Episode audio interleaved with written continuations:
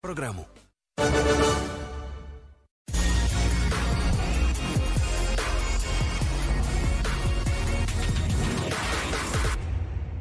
Dobrý večer. A začneme rovnou tím, co teď rozdělilo svět na dva tábory. A teď nemyslím covid, ale onen rozhovor prince Harryho Meghan z Opera. Tím spíš, že spousta věcí, které tam zazněly, nebyly tak úplně pravda. Čekalo se od včerejšího večera na vyjádření Buckinghamského paláce a to přišlo doslova před několika minutami. Její veličenstvo královna chce vyjádřit za celou rodinu lítost. Co poslední léta eh, na dvoře pro Harry a Meghan znamenaly? Chce všechny otázky, které byly nastoleny, prohovořit pouze v soukromí a vzkazuje Harrymu, Meghan, Archiemu a té nenarozené holčičce, že budou vždy milovanými členy rodiny. V zahraničí pronesl nejtvrdší slova na adresu Meghan známý moderátor Morgan Pierce, který rozhovor označil za hanebný a jako ostudnou zradu královny a královské rodiny. Veřejně promluvil i otec Meghan Markle, Thomas, kterého jeho dcera nařkla z kolaborace s paparaci fotografy. Thomas se prý za svou zradu už stokrát omluvil a chtěl se s Meghan setkat. Okomentoval i dceřin výrok o rasismu v královské rodině. Otázka na to, jakou barvu bude mít dítě, jak tmavé bude. Myslím a doufám, že to byla jen hloupá otázka od někoho, než aby to bylo rasistické. Do Meghan se pustila i nevlastní sestra Samantha, o které vévodkyně prohlásila, že se s ní 20 let neviděla. Podle Samanty je to lež a navíc nevěří ani tomu, že by Meghan někdy chtěla spáchat sebevraždu. A jak rozhovor vnímají čeští zástupci modré krve? Moje rodiče mě vychovali v tom, že samozřejmě jméno, někdy bohatství a tak dále, když to člověk dostane jako dar od narození, tak za to je povinný se zodpovídat. Že tím, když to si to užívá, přibírá taky povinnosti. No a když někdo ty povinnosti se vyhýbá, nechce je konit, tak prostě z toho vypadne.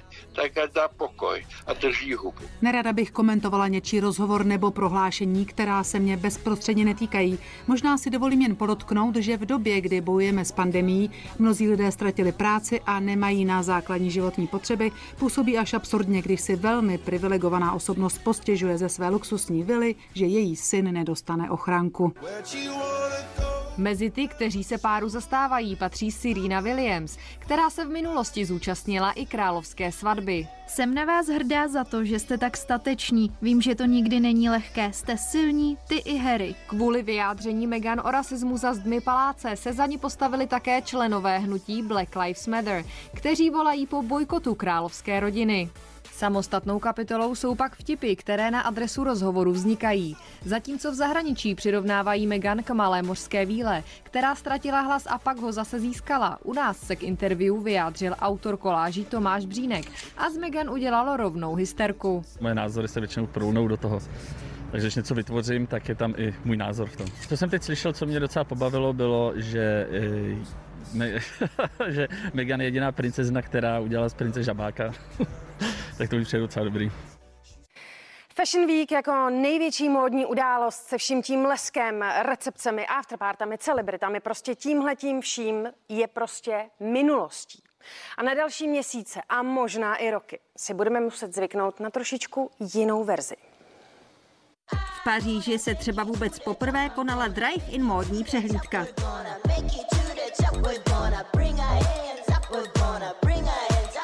Pro návrháře je koronakrize bez pochyby velkou výzvou. A výsledek?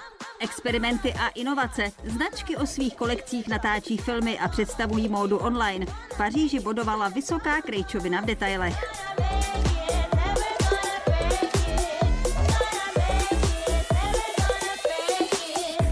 Módní dění ve virtuálním prostoru nejspíš ještě dlouho zůstane. Návrháři se s tímto faktem popasovali každý po svém. Některé modní domy raději několik posledních Fashion Weeků vynechali a čekají na dobu, kdy se vrátí éra klasických modelek a oblíbené catwalk před očima diváků. Otázka je, zda se tak vůbec stane. Luxusní značky musí změnit pravidla hry. Už neplatí, že móda je jen osobní a exkluzivní. V online prostoru patří všem. A nakonec jeden módní úlet. V Paříži se covid objevil nejen co by virtuální strašák, ale už i ve vlastní creepy neboli strašidelné kolekci. Včerejší Mezinárodní den žen nás alespoň na chvíli přinutil se zamyslet nad sílou ženy. A hele, některé to prostě i žijou. A je to fajn.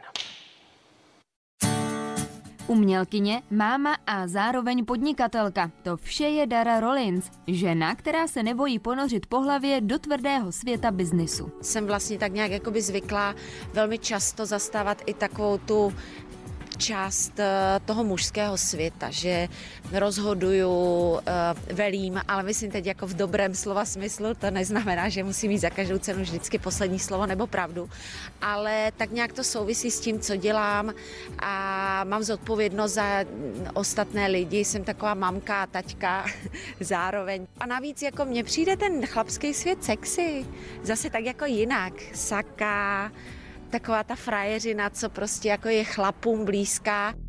Zpěvačka působí jako silná žena, kterou nic nezaskočí, vše zvládne a na všechno zná odpověď.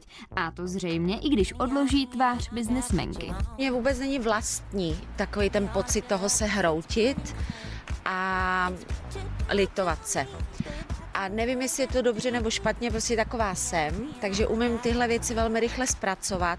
Určitě se to někde na mě podepíše, možná nějaký šedivý vlas asi, uh, ale já to tak mám, že se ráno probouzím s úsměvem. Se svým příběhem se Dara podělila na Avon online konferenci Change is a Chance, na které vystoupily úspěšné ženy napříč obory. Jedničkou ve své profesi je bezesporu moderátorka Adéla Vinceová, která prý nevědomky boří genderové stereotypy. Možno, že to je stereotyp, že, že by mal byť muž starší od ženy, čo v mojom prípade je naopak, lebo môj muž je o 10 rokov mladší, alebo že žena môže byť šťastná len eh, keď naplní svoj život eh, v, v rodine a my nemáme deti a naozaj neplačem každý večer do vankúša. Beriem to tak, že keby prišli, tak je to v poriadku a keď nie sú, je to tiež v poriadku, že sa všetko deje v nejakej Božej vôli. Takže neviem, či búram stereotypy, ale žijem si svoj život tak, ako ja chcem, ako mi to vyhovuje a možno som popri tom niečo zbúrala, neviem. Konference inspirovanou ženami oslavil Avon Mezinárodní den žen.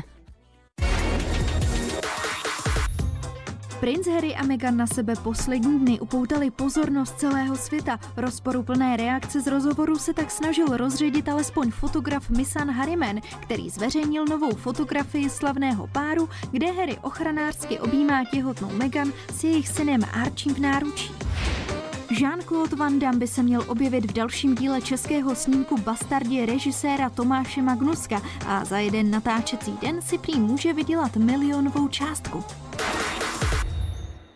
Jiří Mádl má teď nově Českého lva za vedlejší roli. Taky je režisér, úspěšný, bych i jako si dovolila říct, ale věděli jste, že je i scénárista? Aha. Jirka rád posouvá své hranice. Z hraní se občas přesune na režisérskou židli a v novém seriálu si zkusil také napsat scénář ke dvěma prvním dílům. My jsme přijeli na Kokořín, já jsem si prošel lokace, eh, zjistil jsem, který herci mi přijeli nakonec který byly e, negativní a mm, prošel jsem si i rekvizity, jejich kostýmy, co si měli dovést a podle toho jsem stavil ten příběh. A mě? Tebe se to týká hodně.